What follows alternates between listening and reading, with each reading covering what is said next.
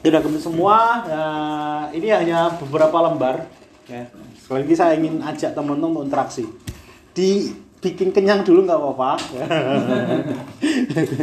ya, karena judulnya adalah tema keuangan. Sekali lagi sebelum saya bahas tentang ini, banyak yang tanya eh, di di link ya, Pak tugasnya Komdev itu apa? Saya singgung sedikit dulu nggak apa-apa ya. ya. Jadi sekali lagi, Komdev itu terbit atau muncul dari pecahan dari Yamida ya.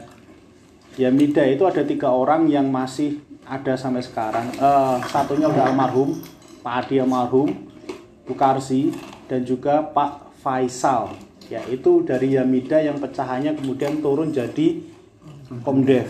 Ya, 2017 awal ya kita di split beberapa cabang beberapa regional ya dan itu masih baru masih piye lah atau bahasanya itu masih bayi. Karena kita masih merangkak dan belum tahu eh, program apa yang mau dijalankan tahun 2017 ya kita baru diturunkan di regional dan tidak menjadi satu di Yamida. Ya tapi masih di Komida. Ya dengan porsi yang sangat luas ya karena wilayahnya hampir 20 cabang rata-rata yang dipegang oleh Komdevnya. Sampai detik ini sudah sampai eh, regional O. Ya berarti ada kurang lebih 15 orang dari yang dulu cuma tiga sekarang sudah banyak sekali ya. Dan kita tugasnya lebih fokusnya ke anggota teman-teman ya. Tidak ke staff ya. Yang staff itu lebih ke operasional atau HRD yang kita bagaimana mendampingi anggotanya teman-teman itu jadi lebih kenal dengan pelayanan non finansial non finansial itu apa pelayanan yang di luar keuangan kalau keuangan kan teman-teman yang mencairkan menabung mengangsur dan sebagainya itu keuangan. Kalau kita non keu ini ya sedikit eh, informasinya. Eh, minta tolong ini dibagi dulu kertasnya sambil saya ngangkat telepon dulu mas. Dibagiin satu-satu. Ya kalau kurang minta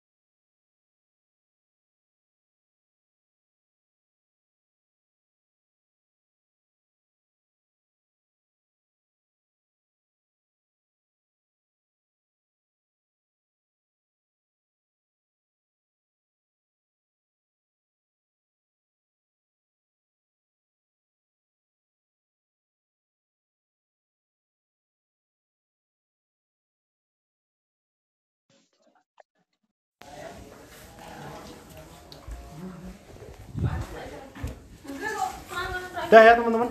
Itu bawa kertas ya. Nah, di kertas itu eh, minta tolong sama teman-teman. Ini kan hubungannya dengan keuangan Gen Z ya. Tolong tuliskan eh, apa harapannya teman-teman berkaitan dengan materi tentang keuangan ini.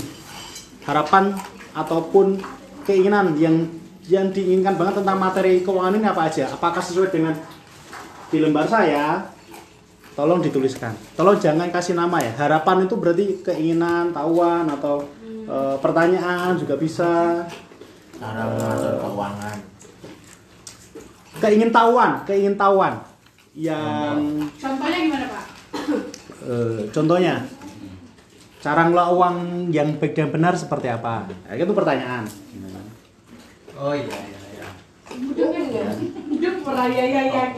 Harapan. Jadi saya saya pengen pengen apa sih di materi ini? Di materi keuangan ini saya pengen apa nih yang pengen saya ketahui? punya uang banyak Nah, tulis aja nggak apa-apa. Berarti kan masih nyambung dengan keuangan, ya. Di materi ini saya tuh pengen tahu apa sih yang nanti kita bahas bareng-bareng, ya pak ya. Bisa dipahami ya? Bisa. Ya. Boleh pertanyaan, boleh pernyataan, ya. Tidak ada yang salah, tidak ada yang benar. Ya. Kalau bingung pas gitu aja, ditulis di kertas satu biar nggak uh, terlalu pusing, Pas. ya. Pas kabeh. pertanyaan satu aja atau berapa pak Boleh, silahkan. Banyak-banyaknya ambil pikiran Panjang boleh pak? Boleh. Gak disuruh ayam Pak Litri. Gak Jadi disuruh ayam uangnya ada lah nah biasa bro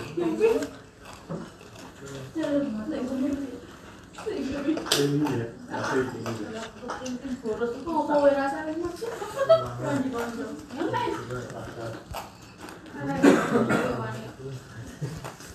Itu kan baca sekolah oh iya Fisik.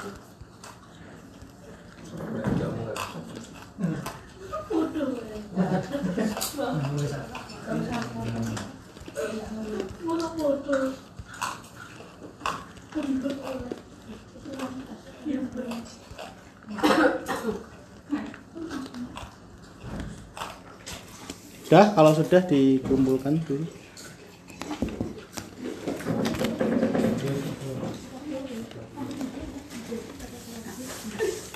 Sudah. Nggak usah tulis nama ya.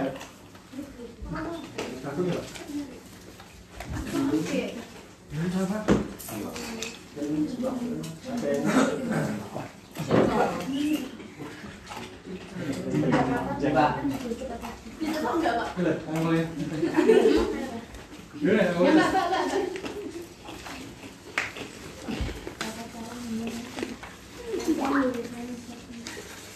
Jangan banyak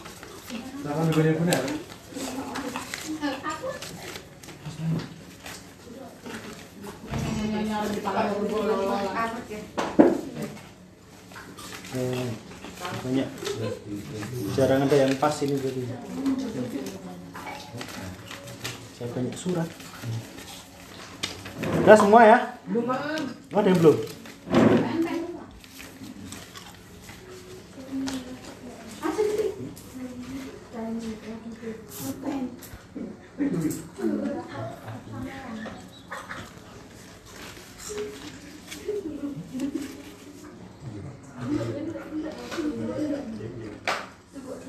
Udah belum? Kurang siapa?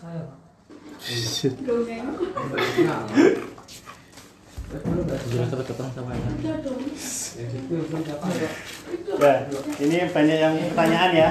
Yang pernyataan nggak ada. Lebih banyak ke cara. Baru saya buka sedikit eh, cara, cara, cara. Cara ingin bisa menabung. Bagaimana sih alur keuangan di? Sopo kayak?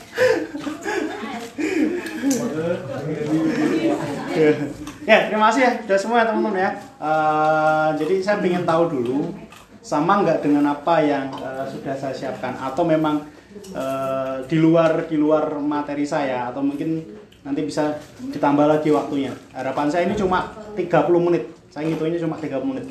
Ya slide saya sama pembahasan ini. Ya. tapi lihat sama teman-teman ini eh, pertanyaannya itu cenderung ke tutorial ya. Karena kan cara mengelola uang yang baik dan benar. Ini kan nyontoh. Ini nyontoh saya. Ya cara mengelola uang yang baik dan benar ya. Sebelum saya jelaskan lagi saya di sini bukan berarti saya jago ngatur uang ya. Ya saya hanya sharing. Ya sekali lagi bukan berarti eh, Pak Priyan di sini itu bisa ngatur duit. Ya. Kalau yang di sini yang jago ngatur duit siapa? Riko pak. admin tuh pak. Duitnya kantornya di ya saya disclaimer dulu ya. Saya disclaimer bahwa saya hanya sharing ya dari apa yang saya ketahui saya pelajari saya praktekkan. Jadi materi-materi komdev eh, segi positifnya saya adalah saya lebih tahu dulu informasinya saya praktekkan. Ya kaitan dengan tema apa? Keuangan kewirausahaan lingkungan parenting alhamdulillah ya. Minimal saya tahu dulu informasinya. Nah kaitannya dengan keuangan ini hampir sama dengan kalau kita membahas tentang keuangan ya. Biasanya kalau ngomong keuangan yang dirasakan apa? Pak uangnya kurang. Pak uangnya kok cuma dilihat aja? Nggak bisa merasakan gitu. Ya berarti apa? Ini sama dengan teman-teman yang bertanya. Karena cara pengelolaannya atau eh, tutorialnya itu sering disepelekan. Kita coba bahas ya. Dan kita coba baca satu persatu. Pengertian keuangan itu sendiri tata cara pengelolaan keuangan untuk keperluan pribadi. Ini nyambung dengan eh, pertanyaannya. Cara mengatur keuangan agar tidak terlalu kalap karena tren zaman. Ya. ya masih saya golongkan ini lebih lebih ke caranya ya lebih caranya. Ya cara membagi uang agar efisien seperti apa menyesuaikan pendapatan yang didapat. Ya ini masih cara lagi. Ingin bisa mengatur uang uang usaha dan uang pribadi. Hmm, berarti ini sudah punya eh, dua ya. Yang pertanyaan dua adalah ingin bisa menabung. Nah, berarti belum bisa menabung. Lebih ke cara lagi Bagaimana sih alur keuangan di Komida dari anggota ke staf lapang, staf lapang sampai ke pusat? Tanya admin. ya, ini benar pertanyaannya. Ya, ini beda lagi. Cara nabung yang benar seperti apa? Cara mengatur keuangan yang baik seperti apa? Masih banyak cara. Cara menabung biar tidak boros. Tips pembagian uang kehidupan sehari-hari dengan contoh gaji rata-rata di Komida. Rata gaji di Komida berapa? 3 juta ya? Tiga juta pak. 3 juta ya? Agar cukup sampai gajian bulan depan lah. Ini retres ya. Kon kurang terus. Nah, berarti cara pengelolaannya gitu ya. Manfaat apa yang didapat ketika kita akan mengelola keuangan dengan benar? Kita akan lebih mudah untuk menuju ke masa depan. Karena keuangan, ya. Cara memperbanyak uang. Cara ya. Pengen belajar mengatur keuangan. Eh, ini ini pengen tahu ya beda ya. Kalau ini kan tutorial. Manfaat tutorial. Apa investasi terbaik yang cocok atau sesuai dengan karyawan komida? Hmm, ya. Ya investasi sekarang kan banyak yang bodong ya apalagi yang kasusnya crazy rich gitu ya. Kalau kita nggak hati-hati ya berbahaya. Yang paling mudah biasanya kalau cewek emas. Kalau mungkin apalagi tanah. Kalau komida staf komida ada yang pernah cerita ke saya itu sapi. Beli sapi. Tapi utang dari komida. Berarti uangnya uang produktif ya bukan utang eh, bukan utang konsumtif tapi utang produktif masih ada orangnya sekarang. Sekarang malah udah nikah udah punya anak. Ya. Pengen belajar mengatur keuangan. Ini tutorial juga. Cara menabung yang benar. Ya. Cara mengatur keuangan bersama mengatur keuangan. Salah satu ini terakhir aja. Cara mengolah keuangan ini sama. Cara mengolah uang THR huh, biar awet.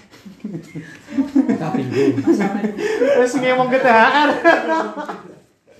ya Arab THR nggak apa-apa ngarep terakhir terakhir terakhir ini salah satu kendala dalam perjalanan quarter life crisis ya bagi kaum Gen Z adalah terjebak dalam financial planning yang tidak efektif. Bagaimana financial planning yang efektif untuk kaum kaum Gen Z? Ya. Perencanaan keuangan. Ya. Ini beda.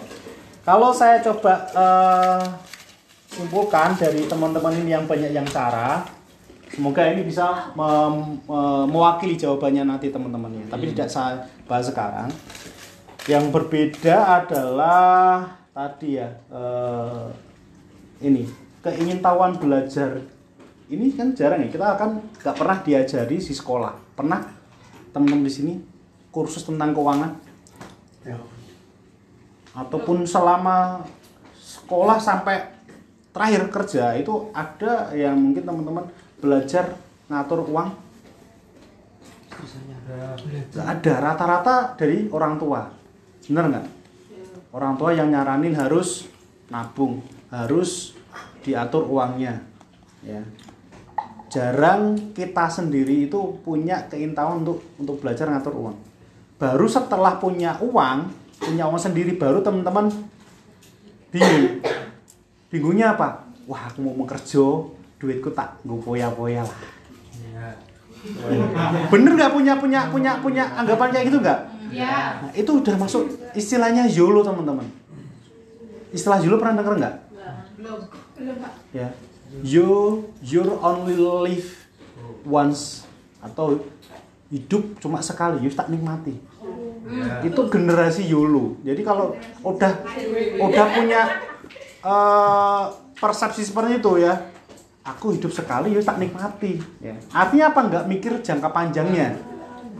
Ya, lawan dari YOLO itu FOMO. Pernah dengar istilah FOMO? Fear of missing out trend. Ya, jadi FOMO ini kaitan dengan YOLO hubungannya dengan keuangan itu sangat erat dengan Gen Z. Ya, aku kerja, duitku gede, gajiku akeh, tak nikmati. Sehingga lupa yang namanya investasi dana nabung. Itu generasi Z yang dekat dengan YOLO dan FOMO. FOMO ada teman yang beli eh, apa sam- eh, HP Pro Max oh, iPhone kepancing udah mulai kan ya nggak mau ketinggalan tren nih ya akhirnya apa ngutang padahal gajinya 3 juta. Kan biar kelihatan belakangnya ada Boba. apel kecokot gitu kan ya. Ya ini rata-rata yang harus teman-teman pahami ya. Dari teman-teman jomblo ataupun teman-teman sekarang sudah punya keluarga itu sangat beda sekali cara pengelolaannya ya. Karena sendiri mungkin nggak ada yang membantu tapi kalau udah keluarga biasanya ada orang yang lebih mengatur. Entah itu istri entah itu orang terdekatnya. Ya. Kalau pacar biasanya dia tidak mengurusi masa keuangan. Jarang loh pacar. Kalau bisa lah pacar di Gratis.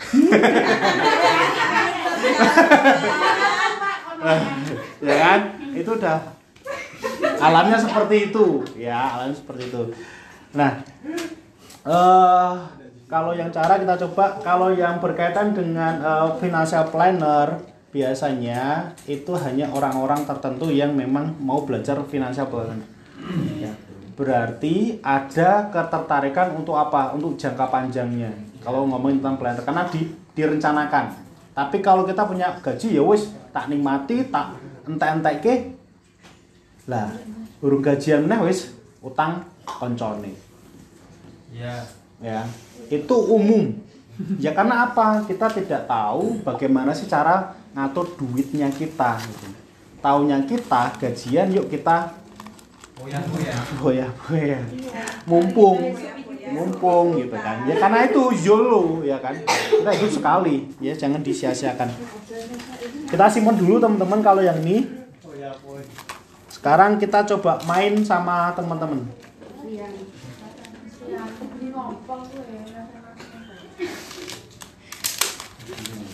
makanannya bisa digeser-geser.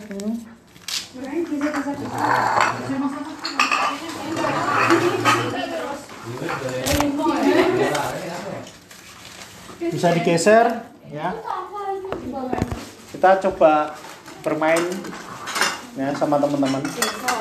Biar nggak ngantuk ya biar nggak ngantuk.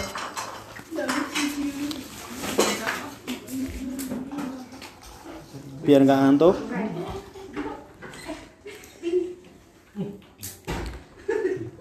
kita akan bermain yang namanya fun facts and myth ya tentang keuangan jadi kita eh, coba minta pendapatnya teman-teman dari pernyataan yang sudah saya pegang berkaitan dengan keuangan ini mitos atau fakta Ya. itu ya Ya. Oke. Ada beberapa pernyataan, tinggal nanti teman-teman yang angkat tangan berarti fakta. Ya. Kalau yang tidak angkat tangan berarti mitos. Tolong nanti juga kasih alasannya. Kenapa teman-teman milih kok enggak fakta, kok enggak mitos? Ya. Yang pertama, cewek lebih jago kelola keuangan, fakta atau mitos? yang fakta, fakta angkat tangan cewek lebih jago ngatur keuangan Mitos. angkat tangan yang fakta angkat tangan. Yang enggak fakta berarti mitos nggak usah angkat tangan. Oh iya. ya paham ya? Ja- cewek lebih jago ngatur keuangan. Fakta atau mitos? Fakta. Kenapa mas? Ya karena istri saya. karena istri saya berarti sudah berkeluarga. Gitu. beda kalau mungkin yang jomblo. Nah, yang jomblo ini ya mitos ya. Siapa perwakilan perwakilan yang yang jomblo bu yang jomblo jomblo. Kenapa jawabnya mitos? Tadi mbak Cindy kayak keras banget. Mitos itu. Kamu Mbak. Didi. kenapa mbak Cindy? Kenapa kok sampai ini? Boros kayak soalnya. nah kenapa cewek lebih jago ngatur uang? Soalnya banyak keinginan, Pak. Karena Jadi banyak biasanya keinginan itu harus misalnya pingin gitu harus dibeli. pingin harus Kalau saya dibeli. Euro. Nah, berarti ini memang YOLO ya. Padahal ini sebetulnya fakta ya, hampir bahwa cewek sama cowok kenapa lebih cenderung cewek? Karena apa? Lebih teliti biasanya kalau berhubungan dengan keuangan. Cowok los. Ya, tapi sekali lagi ini kan hanya pendapat ya, tidak ada salah yang benar. Tapi lihat kondisi juga, karena mungkin maksudnya posisi kan dia udah keluarga, ya. Pak Indra, Mas Riko, ini yang berkeluarga pasti akan lebih eh, balance antara pengatur uangnya. Ada yang yang ngatur itu yang cowoknya, ada yang ngatur yang ceweknya. Karena punya eh, jawaban masing-masing. Karena yang cowok mungkin lebih pintar ngatur uangnya, yang cewek ya kayak tadi Mbak Cinta, ah aku pengen ya untuk gaji ya nanti itu kok tas, kok ke daster, kok macam-macam gitu kan. Ya, berarti ini lebih kecenderungnya adalah cewek fakta. Ya. Salah. ya. ya. Lanjut ya. Ya. Ini fakta atau mitos? Ya, saya terlalu muda dan tidak memiliki uang cukup untuk menabung dana pensiun. Yang fakta angkat tangan, yang mitos Apa Pak tadi Pak?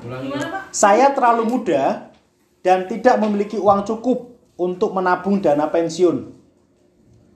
Ini mitos atau fakta? Anak muda.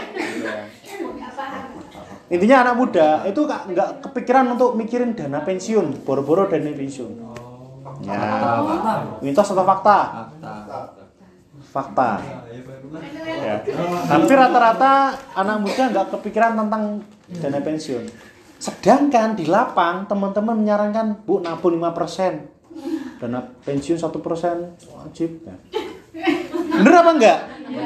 Ya, padahal kita yang muda kok nggak kepikiran dana pensiun dia. Ini bener loh ya. Bisa ditangkap sendiri. Lanjut, saya masih banyak ini ada 10 lebih baik beli daripada sewa. Mitos atau fakta?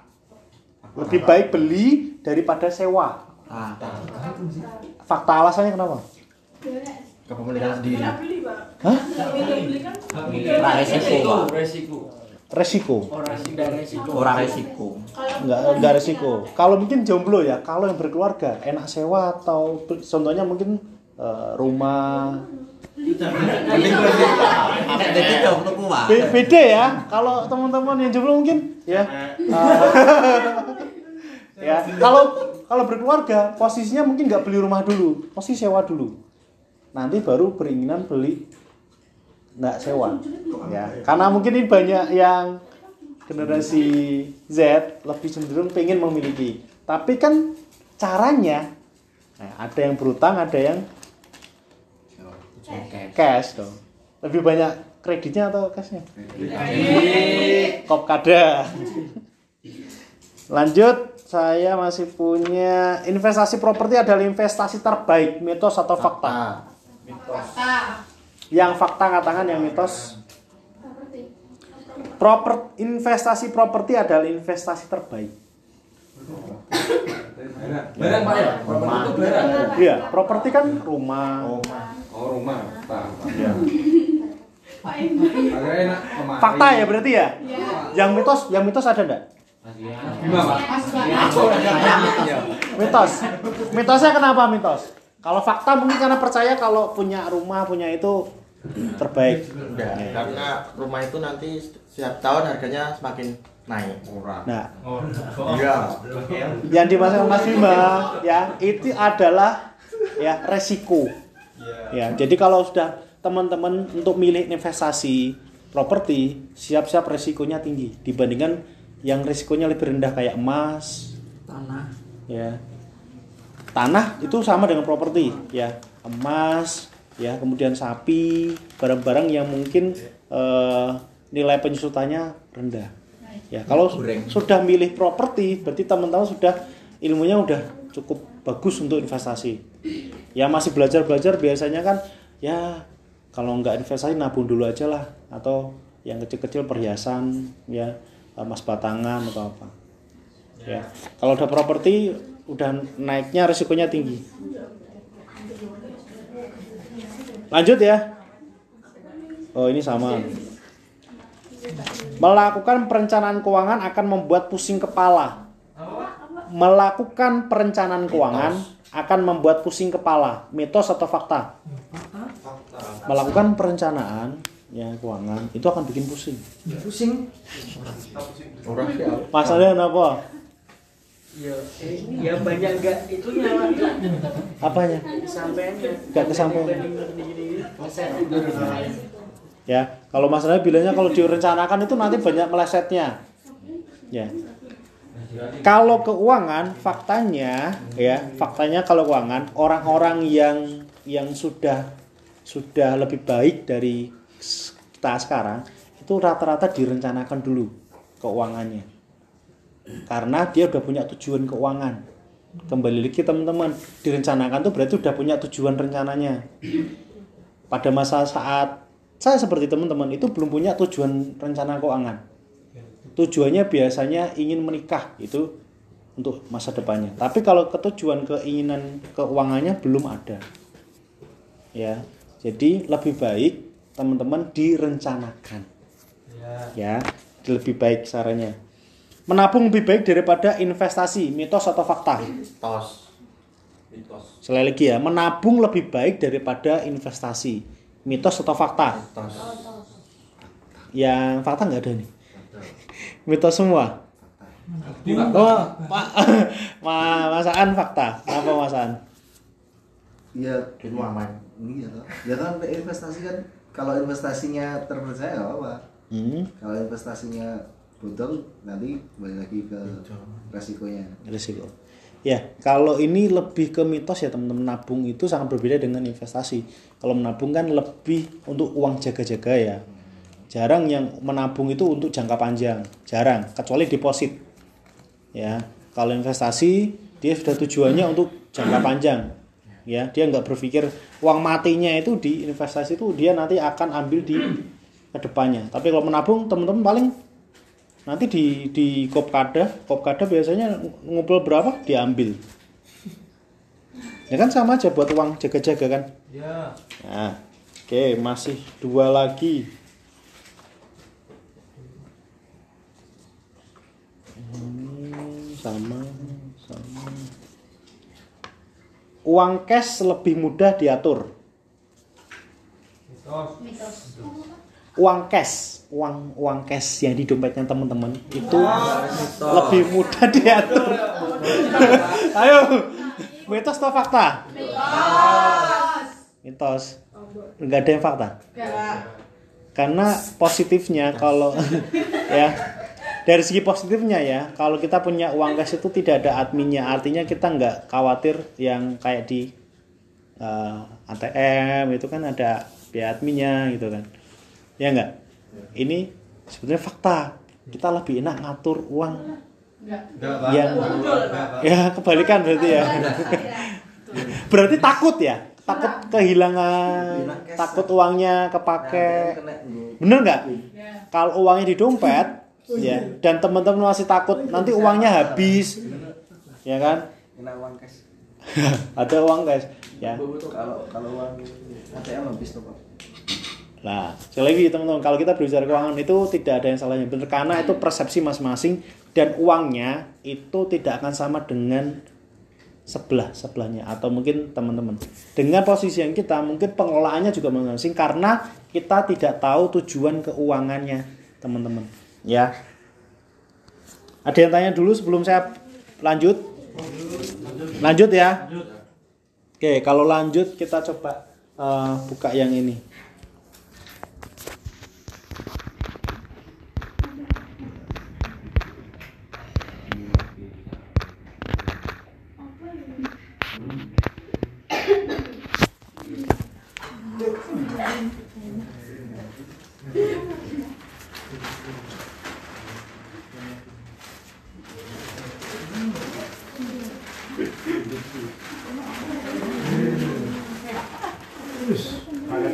Kelihatan ya teman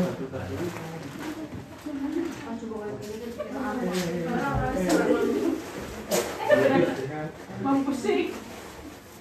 Kelihatan nggak teman-teman tulisannya? Ya. Enggak. Hancur saya. Ada tiga yang kalau teman-teman mau mengatur keuangan, ini saran dan eh, pendapat ya, pendapat saya. Nanti bisa didiskusi lagi kalau ini kurang cocok teman-teman. Saat teman-teman mengelola uang ya atau diatur uangnya, tentukan bedakan ya kebutuhan sama keinginan. Tidak bisa membedakan keuangan sama eh, kebutuhan sama keinginan. Kalau keinginan itu berarti ih ada cilok ih. Pengen. Pengen, ya. Oh ada yang jualan daster gitu. Pengen. Pengen, ya. Eh, kalau di klub itu eh, saya mau apa? Hmm,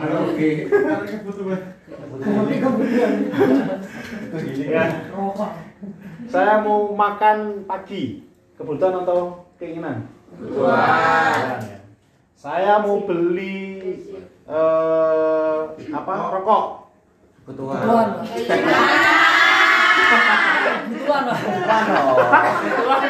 Ya. Jangan lagi. Wis wis Kebutuhan ketagihan. lah. Saya mau beli pakaian. Butuh banget.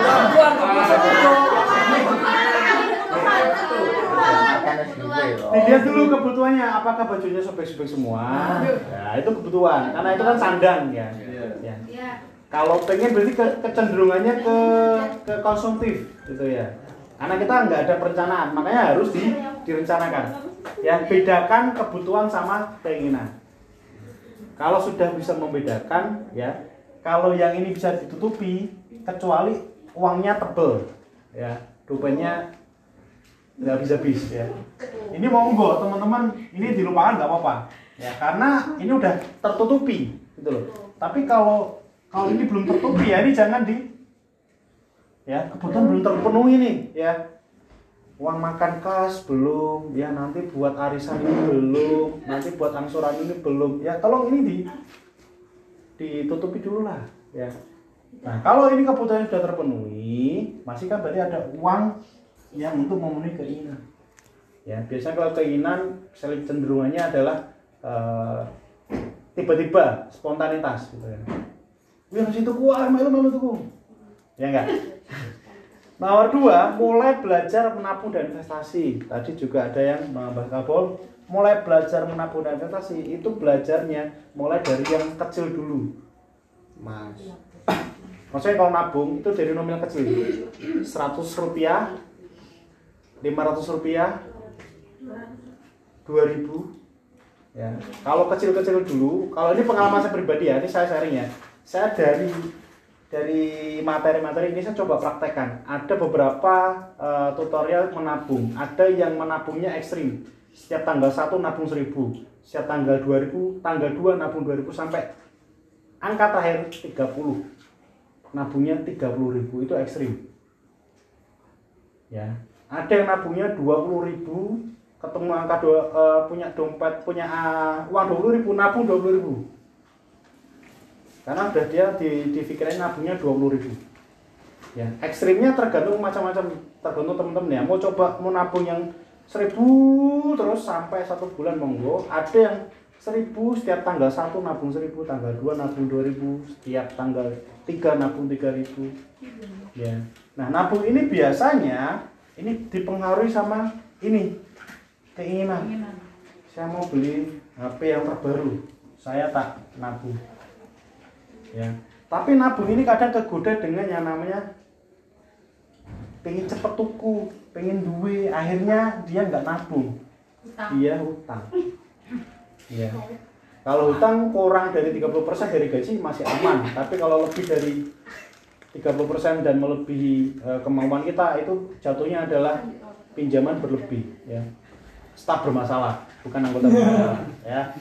Nah kalau investasi ya investasi sekalian kita teman harus belajar dulu. Yang tahap pertama biasanya paling gampang adalah emas ya atau enggak sapi ya hewan-hewan yang biasanya eh, bisa dijual lagi ya.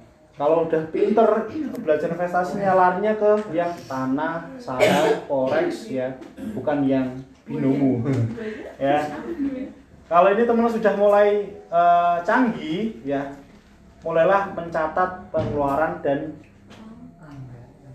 buat anggaran Ya, kenapa kok ini di, di- disampaikan di sini juga? Ya, karena kalau kita tidak pernah mencatat pengeluaran, kita nggak tahu uangnya kita tuh habis ke mana aja. Ada yang di sini punya pengalaman mencatat keuangan pengeluaran? Hari ini makan ini sekian, hari ini beli ini, ya, ya, hampir hampir teman-teman nggak akan kuat ya. Ini. Tapi saya coba, saya coba. Pernah tiga bulan saya kuat ya. Dan setelah itu nggak kuat lagi. Makanya tingkat kemalasannya kalah gitu. Dengan kita mencatat pengeluaran kita tahu ya cash flow-nya kita ya. Kalau teman-teman mempelajari cash flow-nya komeda itu rumit pelajari mending pelajari yang punya pribadi dulu aja kita tuh uangnya tuh buat beli apa sih? Apakah cenderung ke ini atau yang kebutuhan? Ya kalau larinya ke kebutuhan itu masih bagus. Ya tapi kalau ternyata setelah dilihat pencatatan kita larinya keinginan nah ini berbahaya teman-teman.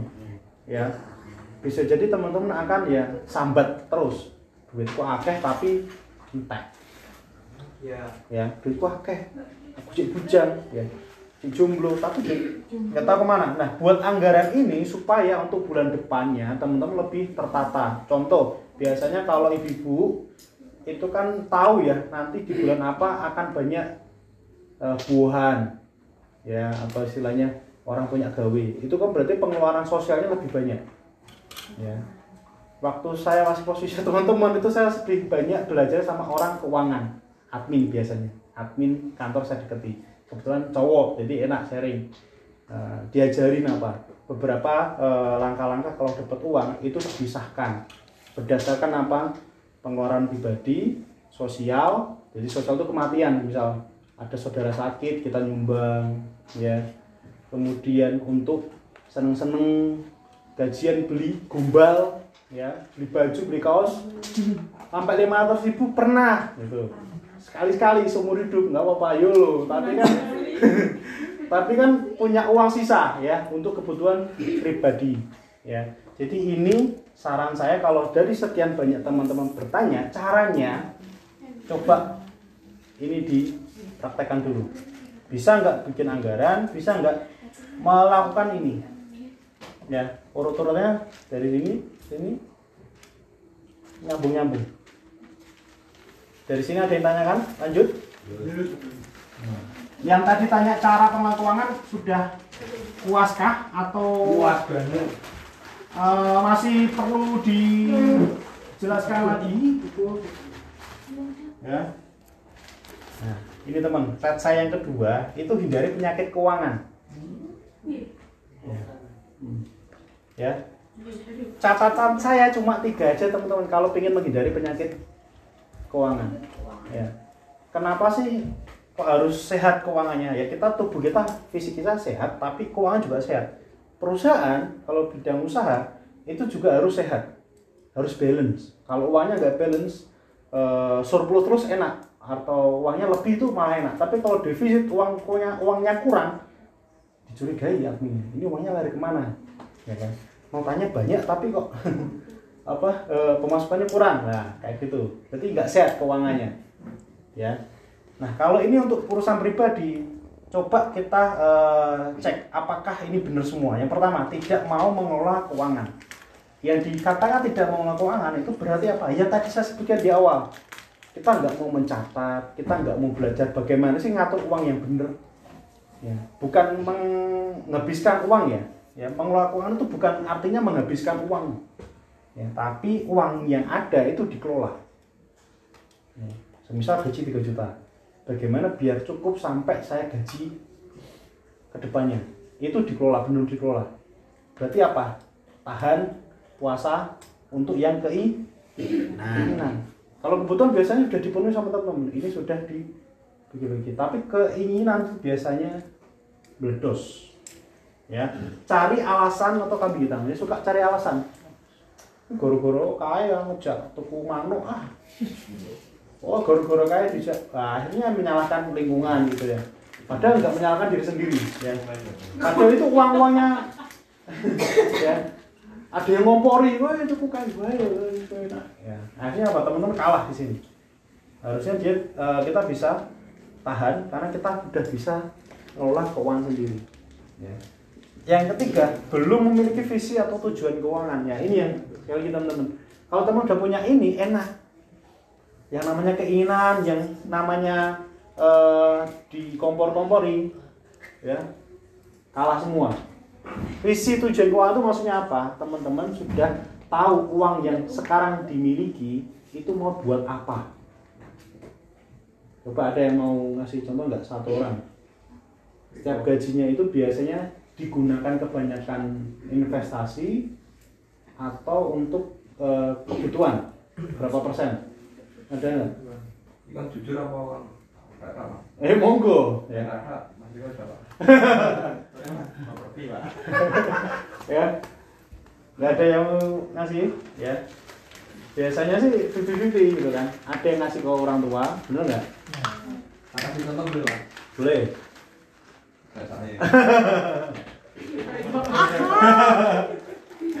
ya biasanya gitu teman pengalamannya sih kalau ngobrol keuangan uangnya saya kasih ke orang tua pak. Gitu. padahal dikasih ke pacarnya. Gitu bener loh ada loh.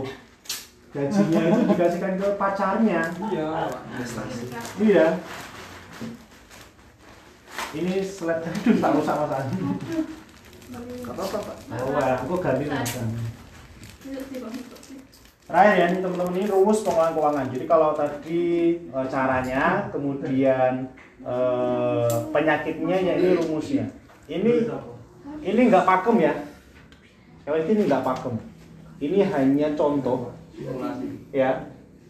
Simulasinya untuk persentasenya itu biasanya ke pribadi masing-masing. Tapi untuk e, porsi eh, apa ya ini ya istilahnya keterangannya itu biasanya hampir sama. Untuk orang pribadi cicilan biaya hidup investasi biasanya dikurangi lagi 10% untuk sosial. Ya kalau udah menikah biasanya lebih banyak sosialnya. Nyumbang. ya nyumbang dulur loro ya. Tapi yang jomblo juga masih mungkin bisa dikatakan bisa diambil dari pribadi ini ya Sosial. Ya, ada yang pernah membuat seperti ini? Ya. Ada yang pernah membahas seperti ini ataupun hanya di awang-awang? Jadi kalau saya gajian berarti nanti 10% buat ini, 10% buat ini, ini, ini, ini. Hanya di awang-awang, tapi nggak di, di, dicatat, nggak ditulis dengan langsung dikurangi pak langsung dikurangi. dikurangi satu cicilan Sama nggak dengan yang punya saya? Maksudnya pribadinya 20%, angsuran cicilan. Ini sama nggak teman-teman? Punya cicilan nggak? cicilannya kurang besar tuh pak Kurang besar, 50%? iya 50 persen. Ah, cicilan 50%. Lah terus biaya hidupnya piro? puasa pak ya.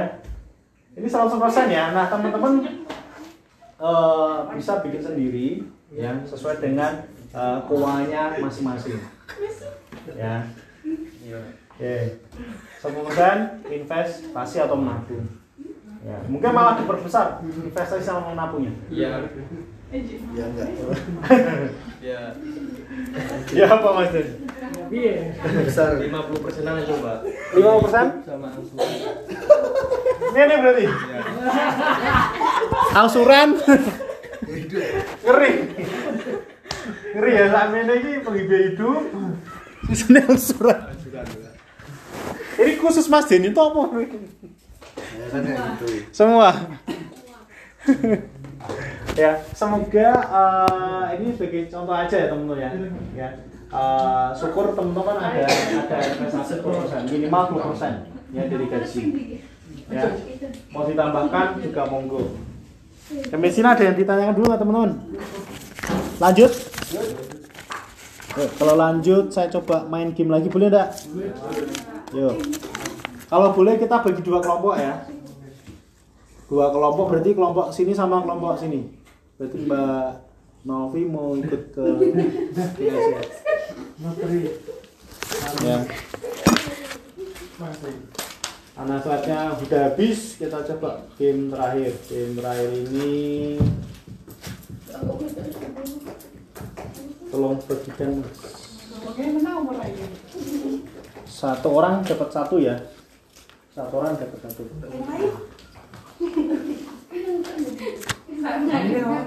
Ya, bagiin satu orang satu, satu orang satu.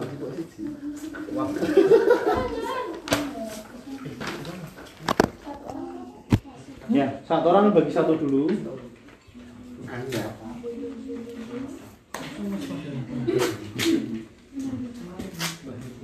Ya. Udah? Ada yang belum dapat? Saya belum. Kayak Geser mas. udah ke sana itu, ini gitu. Ya, kalau sudah, Tulisannya beda semua. ya itu beda semua. kandal Itu beda semua. Ya. Tugasnya teman-teman yang dapat kertas nggak usah dipilih, di, dibagi aja. Kalau yang sisanya tolong di Tanpa kita besok. Tadi. Yuk, dah. Ya.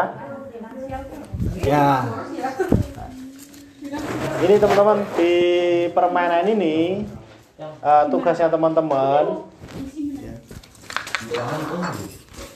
tugasnya teman-teman adalah menyusun kata yang ada di depan sini. Ya, entar, entar, entar. Masih.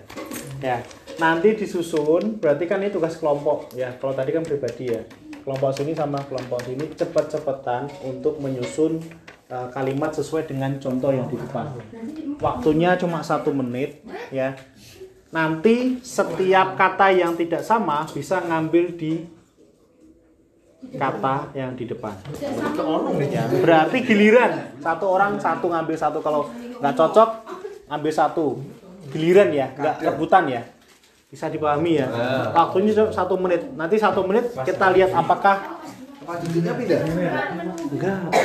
Tempat duduknya nggak berbeda kelompoknya tetap sama ya. Cuma ini hanya ada di tengah. Nanti ngambilnya giliran. Paham nggak? Ini kan disusun dulu sama teman nah, ya, sam- sama nggak dengan yang contohnya di depan kalau nggak sama berarti ada satu orang tugasnya ngambil ya ngambil untuk mencocokkan sesuai dengan ini ya paham kalau bisa di geser dulu biar eh, makanannya. Ya. Ya, ini kita kelompok ya, beda-beda ya. Ya. Kadal. Kata-katanya ada di sini semua, ya. Ini enggak enggak ya. Kalau nanti tidak sesuai dengan yang disusun sama teman-teman, silahkan teman-teman ambil dengan durasi kita main satu menit untuk satu game ini. Ya. Disusun dulu, ya. Kalau disusun nggak sesuai, baru satu orang geser. Ya. Ngambilnya nggak boleh berebutan. Ya, disusun dulu. Bisa dipahami ya? Kita mulai satu menit ya. Ada tempat piring kosong nggak? Saya minta. Itu kosong, piring-piring kosong.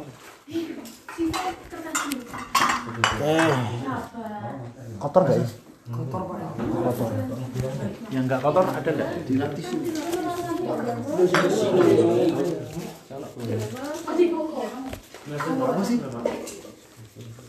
Yuk, kita mulai ya.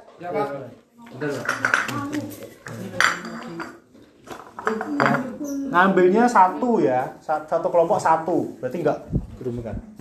Ya, hitungan ketiga dimulai kita meniti. Satu, dua, tiga, mulai. Silakan disusun saya. Satu menit ya, satu menit. Satu menit. Kadal lah Satu menit, satu menit.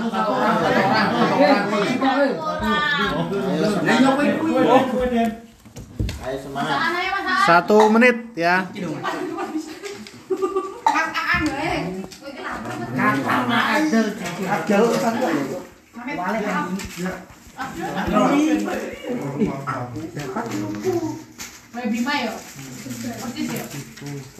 Satu menit ya. Waspadalah terhadap biaya kecil. Sebuah bocoran kecil bisa menenggelamkan kapal yang besar.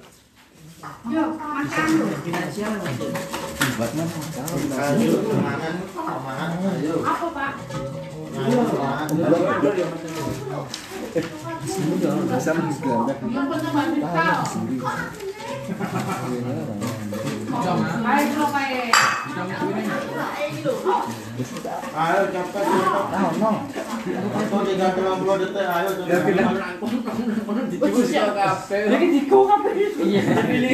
Eh dipilihnya satu mas. Satu pak. Jangan ada mau loro.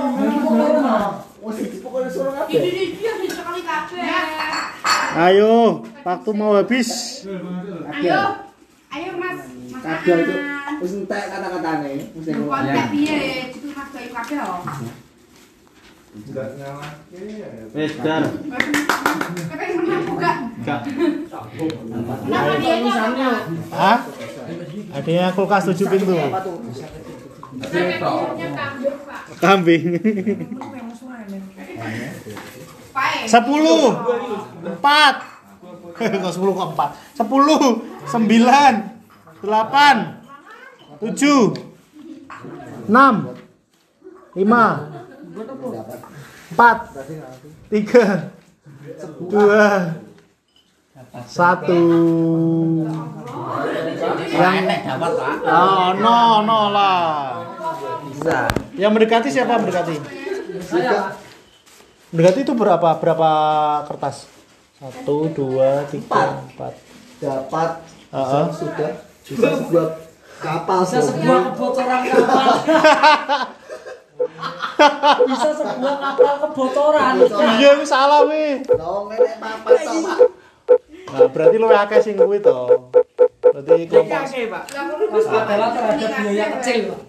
Berarti sing menang kelompok siji. Geser kumpul ke Mas, kumpul ke Wis dicekel ya, aku tak kadal tok ya. Kadal. Kumpulkan jadi satu, kumpulkan jadi satu. Ya. Makanannya udah habis. Itu kadalku ilang. Kadalku ilang. Bukan ngomongi.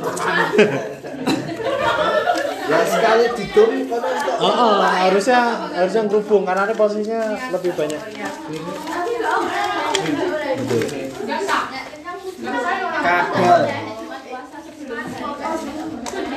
Oke. Baik teman-teman, eh, karena udah malam ya, hampir satu jam, teman-teman eh, kita udah bahas ya tentang sedikit eh, sharing tentang keuangan. Dari sini ada yang mau ditanyakan dulu, ya berkaitan dengan pertanyaan-pertanyaan yang tadi disampaikan sama teman-teman.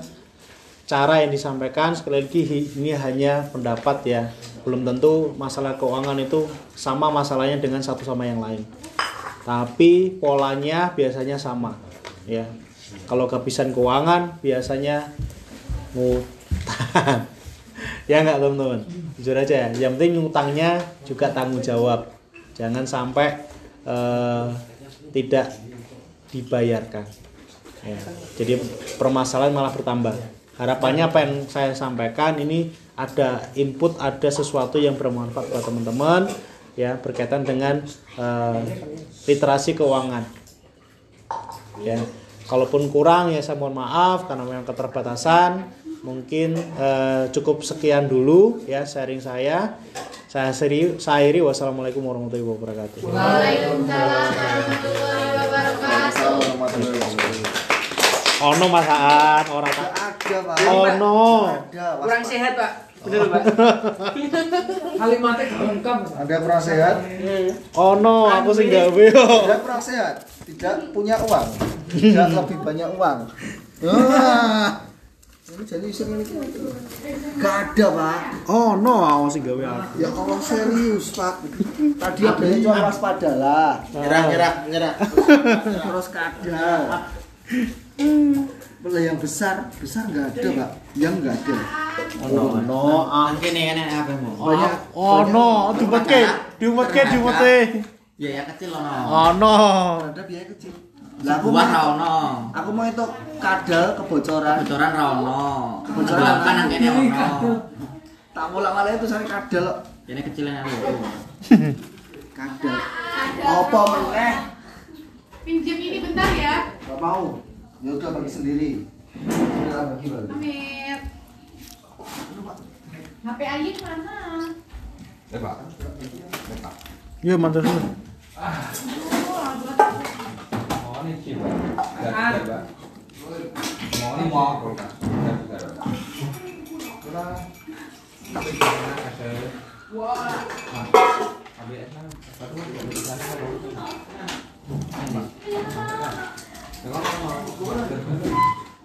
Maka.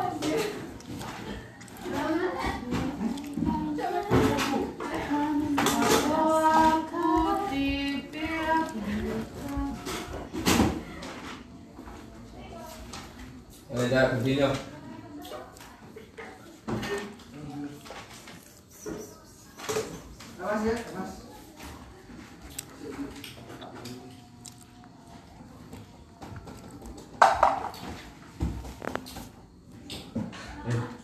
Thì là chị nó đổ đường rộng em tuổi tuổi rồi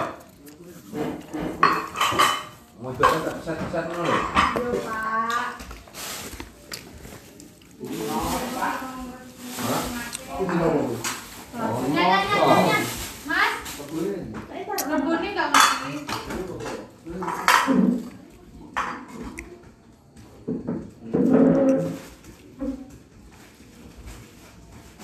Nggak mas? Sama ya, kalau pas jangan nih.